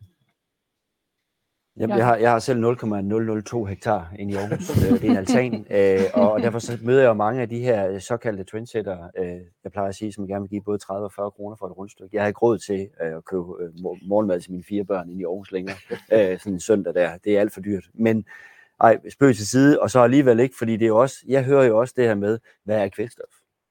Altså, er det noget, der kvæler planter? Ikke? Altså, det, det er helt normalt at tale om sådan noget, når man går og passer sine små haver øh, i byerne. Og derfor så har vi også en opgave i ikke kun at lave, øh, fordi når vi har åbent landbrug, så er vi stolte. Dem, der kommer ud, synes, wow, er det så fedt? Gud, det vidste jeg slet ikke. Og så går man hjem, og så bliver man enige om, at det er dårligt igen, og så igen øh, året efter. Vi skal nok vente lidt om, og så skal vi have, du var inde på unge øh, mennesker før, øh, Morten, omkring det her med at tiltrække. Hvordan er det, vi får, for, for unge landmænd ind i byerne? og så få dialogen. Det er også derfor, at det er vigtigt, at vi har organisationer, som, for eksempel Landbrug Ungdom, der nu tager en helt anden approach på det der med at møde by og land. Og det synes jeg faktisk også, vi skal bakke op om som selskaber og organisationer, at, at, at det skal de have hjælp til. Øh, fordi det er ikke bare lige at komme ind og få en snak på en højskole, eller en folkeskole, eller et gymnasium. Og det der med at tale om en samfundskontrakt, jeg tror faktisk, den er der, hvis vi netop også både taler det hardcore. Vi skal have mindre CO2-udledning i landbruget og i alle andre brancher. Mm. Punktum. Det er en bunden opgave. Mm. Øh, og så kan vi jo egentlig alene om, om formen. Men hvis vi kigger ud, og nu sagde du lige internationalt selskab, så kigger ud og hører på, hvad er det egentlig, de store bryggerier gør, øh, de store supermarkedskæder gør, øh, der sætter milliarder i blød nu på at lave noget, de kalder regenerativt landbrug. Hvad er det? Så kan vi begynde med måske lidt for hurtigt at diskutere, om CO2-mæssigt, der giver det ikke mening. Men hvad nu, hvis det faktisk giver mening for en million eller en milliard mennesker? øh, på samme måde med biodiversitet. Vi ved ikke præcis, hvad det er. Nej, men vi har øh, Fauna Photonics, der kan måle insekter i marken. Lad os da prøve at sætte nogen op og, og prøve at vise det. Så vi også viser, at vi er på vej på de her ting, både med teknologi og med følelser. Og så vil jeg altså godt lige tælle mig hurtigt, mens jeg har lejlighed at springe tilbage til dig, Henrik, fordi ja. Lidt ligesom som vi har kigget på bankerne og sagt, kunne I blive lidt mere konkrete på de krav og forventninger, der er. Kan du blive lidt mere konkret? Hvad er det så, du siger, I kigger lidt på, hvor- hvordan har medarbejderne og, og de her forskellige andre ting. Hvad gør du konkret hjemme på din bedrift i forhold til ESG-arbejdet? Jamen altså konkret, så hvis man så lige uh, suser til medarbejdere, som du startede med, jamen så har vi et uh, år, eller en gang, eller to gange om året, hvor vi laver en, jamen jeg kalder det for en talentudviklingssamtale. Mm. Vi kan kalde det for en god gammeldags mus-samtale. Men ja, det er kun talenter, jeg har. Så derfor er det en talentudviklingssamtale. Og så uh, snakker vi om de behov, som de har, det jeg har, hvordan kan vi mødes på den måde. Uh, I en vis omfang prøver jeg hele tiden at se, jamen uh, der er nogen, der begynder at få nogle familier, kan jeg prøve at, at regulere de arbejdstider, som de nu gerne vil have. Men det er også bare en planteavlsbedrift, og det er nogle udfordringer med det. Og der kan man sige, at fordelen ved at være stor, det er, at vi er rigtig mange mennesker. Det vil sige, at vi kan begynde at hjælpe hinanden ved at afløse hinanden, så at man kan komme hjem til øh, sin familie. Så det er sådan meget konkret, vi, øh, vi arbejder på, det, på den måde. Og derudover så er det jo sådan en udviklingstrin for de her forskellige medarbejdere. Altså hvor der er, nogen, der er to af dem, der ligesom er kommet op og så siger, jamen, I skal fungere som driftledere. Hvordan får jeg, vi jer til at blive til, til verdens bedste driftledere? Øh, og så har vi nogle elever, som vi også hele tiden tager med ind. Altså der er elever med øh, helt fra grundskolen af, altså for ligesom at få et så bredt spektrum som muligt. Øh, min rejse har bare været, at der har været udvikling fra dag et, så jeg har ikke haft øh, skilt mig af med nogle folk, så vi er bare blevet flere og flere. Øh, så vi er gået fra en øh, 3-4 mand til, til en øh, 10-12, øh, 15, 20 mand i sæson. Øh, og det, er- det er noget, jeg synes, der er mega spændende at kunne arbejde med mennesker på den måde. Så det er sådan konkret, vi arbejder med, med, med, med, med på den måde. Øh, altså miljømæssigt, altså gødning for eksempel, hvis vi sådan skal gå meget konkret i det, øh, tildelingskort, altså helt konkret ned på hektarniveau, i stedet for bare øh, at øh, sprede en, en standardplan ud, og så sprede gødning ud efter det. Jamen, vi måler i jorden, hvor mange øh, kilo øh, kali er der, altså hvad er kalitallet i jorden, kan vi regulere, sådan vi ikke skal, altså så kan vi give 100 kilo derover og 500 derover, hvor der er behov. Altså vi hele tiden tildeler efter behov, ligesom man har gjort i mange år med, med kalk, så vi gør det og er i gang med, med, med, med gødning. Og det, øh, det er noget, vi går ind i også med, med pesticider, vi ligesom også skal prøve at, at arbejde ind i, og vi har ikke tur at gøre det nu, fordi vi har en, en kartoffelavl, som virkelig er afhængig af, at de ikke øh, går ud af, af skimmel, svampe, og hvordan kan vi så måske måle os ud af nogle, nogle ting af det. Og der, der, der er det på det, det spæde start omkring, at man kan, kan vi måle os til, hvornår vi skal sprøjte imod øh, skimmel for eksempel. Og økonomisk, jamen altså, brug jeres budget rigtig godt, i stedet for at synes, at det er bankens side af det. Altså indlever jeg nu i jeres egen tal. Altså det er, sådan, det, det er i hvert fald min holdning til det. Brug det som styringsredskab, øh, budgetopfølgninger og alle de her ting. Altså lad nu øh, være med at synes, det er bankens øh, øh, stempel på jer at sige, at I skal gøre sådan og sådan. Øh, altså tag ejerskab om jeres virksomhed. Og det, øh, det er jo nok den helt store hurdle, at, at man har jo vi har haft en kæmpe udvikling i dansk landbrug, hvor man er gået fra at have de der 10, øh, 10 køer og, og 15 grise til, at vi er blevet til virksomhedsejere. Og, og det er man jo, og det skal man også huske, at vi, øh, vi skal også vise dem, vi låner nogle penge af, dem, øh, som vi sælger i sidste ende. Vi er forretningsmænd, men vi er også mennesker, så vi skal både have det hele med. Og der kan man sige, at ESG og ESG-værktøjet er jo sådan ret godt, altså, kunne, kunne, at bliver et rigtig godt værktøj til at ligesom at kan sætte nogle ord og sætte nogle tal på uh, hele vejen rundt i, i ens virksomhed. Så, så det, det vil jeg også synes, at, uh, at uh, om den så uh, er færdigudviklet eller ej, det er den uh, selvfølgelig ikke, fordi vi er, vi er aldrig færdige. Altså om 5-10 år, så kan det være, at vi har noget helt andet under, under skovlen. Så, så vi kan lige så godt bare være åben. Og, uh, og, og det er sådan uh, så konkret de ting, jeg vil lave på, på min år. Og jeg kan ikke lade være med at tænke, at der er noget ekstremt interessant i det her med, at du faktisk starter hos medarbejderne, og så taler du noget gødningsstrategi og så videre, og så slutter vi ved bundlinjen. Jeg er helt med på, at du som øh, direktør i virksomheden har et skarpt blik på den, men det er jo lidt interessant, den rækkefølge, og øh, hvis nogle af de andre ting fungerer, så kommer bundlinjen måske med. Claus, som vi lige så i videoen før, har faktisk nogle af de bløde værdier som nogle af hans øh, fremmeste målingsparametre i sin øh, ESG-rapport, og der er også kommet en god forretning. Så det kunne jo godt være, at man skulle til at vende det blik lidt fra, at så længe at øh, økonomitallene er på plads, så, så kigger vi på det andet bagefter. Øh, Annette, skal vi måske, eller skal I måske lidt i, i jeres sektor til at kigge en lille bitte smule anderledes på det? Jeg ved ikke, om vi skal kigge anderledes på det. Øh, vi kan godt tage det i en anden rækkefølge, men, men jeg tror, at, at man skal, øh, som jeg sagde før, altså det er, det er så den dårlige nyhed. Det er begge dele, men det er lige så meget medarbejdere, det er lige så meget øh, gode vilkår for dem og nogle bløde værdier, men, men det er det jo derhen, at det jo også spiller ind. Så, så det er jo samspillet imellem de her parametre, synes jeg, på bedriften, der, der er interessant. Men, men ja, det er jo ikke kun et økonomisk resultat, fordi det kan vi måske få på mange forskellige måder. Men når man sørger for sine medarbejdere, når vi arbejder med gødningstildeling, måling, hvad det kan være, så viser man jo også, jamen jeg er her ikke kun i år, hvor det er et godt resultat, men jeg sørger faktisk også for at lægge nogle sten, så jeg kan være her fremad. Og det er jo det, som, som er den helt store, det helt store attraktiv i, at vi finansierer landbruget også. Ikke? Mm. I, vi har været, øh, eller til jer alle sammen, vi har været rigtig meget inde omkring data også, og det er jo en kæmpe del af hele den her ESG-afrapportering og så videre. Men når vi begynder at tale de her lidt mere bløde ting, øh, hvor godt er vi stillet i forhold til det datagrundlag, eller hvad skal vi gøre for, for at blive skarpere der i virkeligheden? Jamen, vi har jo øh, rigtig mange data. Øh, CX Innovation har blandt andet Nordeuropas største orakeldatabase, det er kvægdatabasen. Øh, og det siger, at det er altså ikke kun Oracle-database inden for landbruget, det er Oracle-database bredt set. Så vi har virkelig mange data. De skal ikke alle sammen ind i en ESG-rapport, men øh, vi har et, et, godt datagrundlag. Vi vil jo gerne udvikle værktøjet videre, og tak Henrik, fordi du siger, at det er ikke færdigt endnu, og det bliver moderne IT-udvikling aldrig. Vi får også hele tiden opdateringer af vores apps og programmer, hvad vi i øvrigt bruger. Og sådan vil det også være her. Men vi vil jo gerne udvikle det hen i retning af, at i hvert fald de objektive målbare data på produktion, øh, udbytter, øh, hvad vi nu kan generere ud af de forskellige systemer, både måske som vi udbyder, men faktisk også andre, fordi vi samarbejder jo med, med virksomheder i klyngen selvfølgelig, øh, at de kan fyldes ind. Men der vil jo stadigvæk være behov for, at øh, man som virksomhedsejer, direktør, når man laver sin rapportering, selv beskriver nogle ting, for vi kan ikke, øh, der er nogle ting, det, det, det kan vi ikke hente ud. Øh, det er ikke altid en blomsterstribe, den står i markplanen, for eksempel. Hvad lægger du vægt på i din ledelse af medarbejderne? Øh, så det vil der altid være behov for. Men igen, vi vil gerne gøre det så let tilgængeligt som muligt, at man ikke skal rundt i 17 forskellige systemer og rapporter for at finde nogle af de taldata, der skal ind i en ESG-rapport. Det gælder både på klimadel, men det gælder faktisk også i report.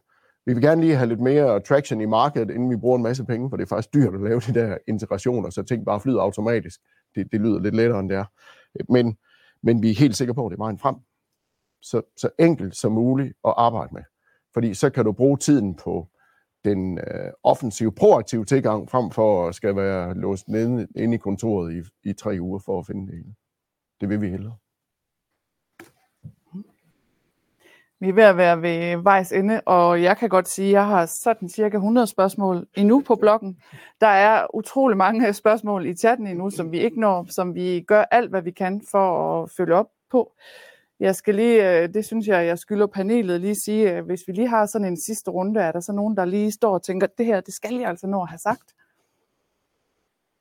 Jakob, ja. ja. det kunne være et reklameindslag, beklager, øh, hvis det er, men det er, jeg vil ikke sige, det er en, en grovvare World News, men i hvert fald et, et lokalt tiltag, som vi vil gøre, DLG har sat i værk, vores ejer har sat i værk, det er, at det på ingen måde på niveau med, med, med, med, med Arlas skulderodsmodel, så har vi faktisk valgt, vi har fundet 20 produkter, øh, som vi mener er grønnere og mere bæredygtige end andre. Og det kalder vi ikke bæredygtig katalog eller grøn katalog, vi kalder lidt bedre hver dag. Og det matcher egentlig meget godt det der med, at det er det, vi som virksomheder skal, blive lidt bedre hver dag. Når man så handler dem, så er den faktisk en del af det overskud, vi jo giver øh, hvert år, hvis der er overskud. Øh, det er der heldigvis. Og så vil sige, at man får faktisk op til 15% øh, af den overskudsdeklarering, når man køber de grønne varer. Og det er vores bud på internt i organisationen, i virksomheden, at få noget mere ud. Også for at sætte øh, ild i vores organisation til at sige, hov, når jeg laver et indkøb af plastik, er det så recirkuleret? Kan jeg lige få noget data? Så det er både en flytning udad indad. Og der drømmer jeg jo om, apropos fælles data, mm. at ligesom med Arlas tal, Danish Crowns tal og i, i, i HK Scans tal, altså det er det her med at sige, jamen hvis landmanden så handler nogle af de her varer, eller arbejder med de her varer, jamen så giver det faktisk lige en lille rapport, så I som pengeinstitutter kan sige, okay, der er handlet, hvad hedder det, øh, det er det såsæd, som har det lave aftryk, eller det er det foder, vi har klima, hvad hedder deklarering på al vores foder. Så på den måde så sige, at de data indgår helt naturligt, og måske lave en autogenereret lille rapport. Sådan noget tror jeg kunne blive meget konkret fra store og små selskaber. Ret enkelt. Jeg vil også gerne lige sige, at nu arbejder vi med data her. Jeg synes, det er vigtigt, at vi har data. Men vi skal huske, nu har vi mange år sagt, at man skal også huske at fortælle den gode historie. Og det er selvfølgelig også rigtigt. Men det er faktisk øh, ikke nok at fortælle den gode historie. Vi skal lave den gode historie.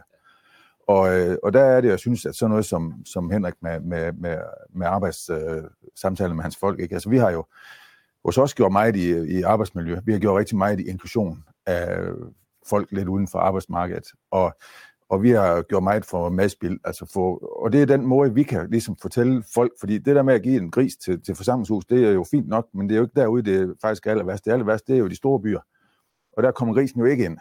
Men der kommer jo for eksempel Junk Food ind med deres madspilsprogram, og så får vi lidt, jamen det er faktisk kyllinger for danske landmænd, øh, der, der sørger for, at de her folk får noget mad i aften. Så vi skal huske også at lave de gode historier.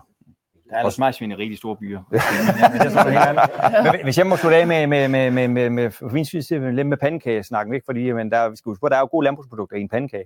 Men jeg vil egentlig bare invitere øh, til, at øh, det her med efterspørge, hvad vi efterspørger inde i bankerne, det tror jeg, jeg taler, hvad, hvad, jeg vil tale på min vej. Vi er jo rigtig meget klar til at prøve at, at, at, at invitere til, kom og vis mig din pandekage. Øh, og det vil du kunne komme med ingredienserne første gang og siger, jeg tænker sådan og sådan og sådan, det stiller vi rigtig gerne op til sparring, så det lyder meget godt, det der, det kan være, du skal finde noget fra den anden hylde og prøve på de, fordi vi begynder at se en række ESG-rapporter. Så, så jeg vil bare invitere til en pandekagesnak i banken, og som siger, øh, at den første bliver aldrig den bedste, så det lad være med at være for ambitiøs på det, men, men øh, det er jo bare sådan en, en, en, måske min måde at sige det på. Så nu er vi også pandekager. Pernille, har du inviteret du på noget? Ja, eller? Jeg, jeg er fuldstændig enig. Altså, jeg tror det bedste, jeg kan godt forstå, at der er nogen, der sidder med en eller anden usikkerhed, så det bedste, det er jo altid dialog. Altså, hvis der er noget, så få en dialog og række ud altså, til, til den finansielle sektor og få en snak om, hvad er det helt præcis, I forventer af mig.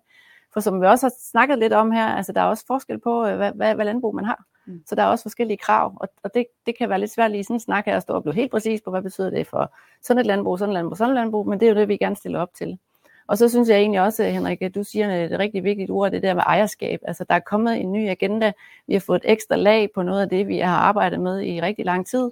Og det med at tage ejerskab af det, sætte sig ned og begynde at starte med at skrive noget ned og finde noget data. Nu har vi sagt data rigtig mange gange her. Men, men, men kom i gang med det, det er, det er rigtig vigtigt. Og det ikke bare bliver noget, man laver for andre, men man laver det for sig selv.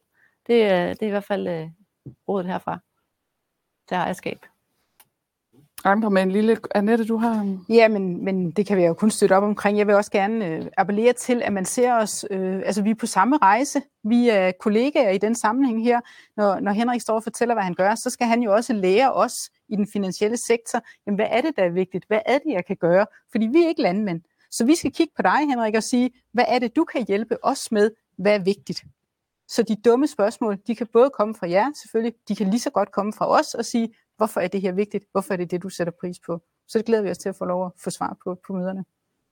Vi er mange, der gerne vil kigge på dig, og desværre så vil jeg også gerne kigge på uret. Nej, du lige, skal Jamen, du lige... Det er bare lige som ja. uh, bundemanden. Nu står der godt direktør, men altså som bundemanden inde i mig. Ja, tak. Som ligesom alle jer andre, som sidder med. Altså det er igen, tag det der ejerskab og vær stolt af det, fordi at det kan jeg altså godt være. Vi har gjort det i mange år, men lad os nu bare blive ved med det. Og, uh, og lad os få nogle data på det. Lad os få udviklet det. Og uh, det vil jeg gerne lige slutte af med. Jeg synes, det er et rigtig dejligt sted at slutte af på stoltheden, og så tillader jeg mig et lille bitte, ganske kort øh, reklameindslag, der handler om, at man lige præcis i dag, fordi du har været så god at se med på det her webinar, så kan man faktisk købe ES Green Tool Climate uden at betale oprettelsesgebyr. Så det er faktisk en rabat på 1350 kroner, og det er kun i dag, så du skal skynde dig afsted. Og så har jeg gået tre minutter over tid, og det beklager jeg, men tusind tak til jer, panel, Pernille, Brian, Morten, Henrik, Annette, Jakob og Iver. Det har været en udsøgt fornøjelse, at I havde lyst til at være her, og øh, tusind tak til jer derude, øh, der kiggede med. Jeg håber virkelig, I er blevet klogere, og så håber jeg, at vi kan følge op på alt det her gode. Og måske bliver der en tur, det ved vi ikke, vi tør ikke love det, men øh, nu har jeg sagt det her, så nu kan I jo begynde at forberede jer. Tusind tak til jer derude.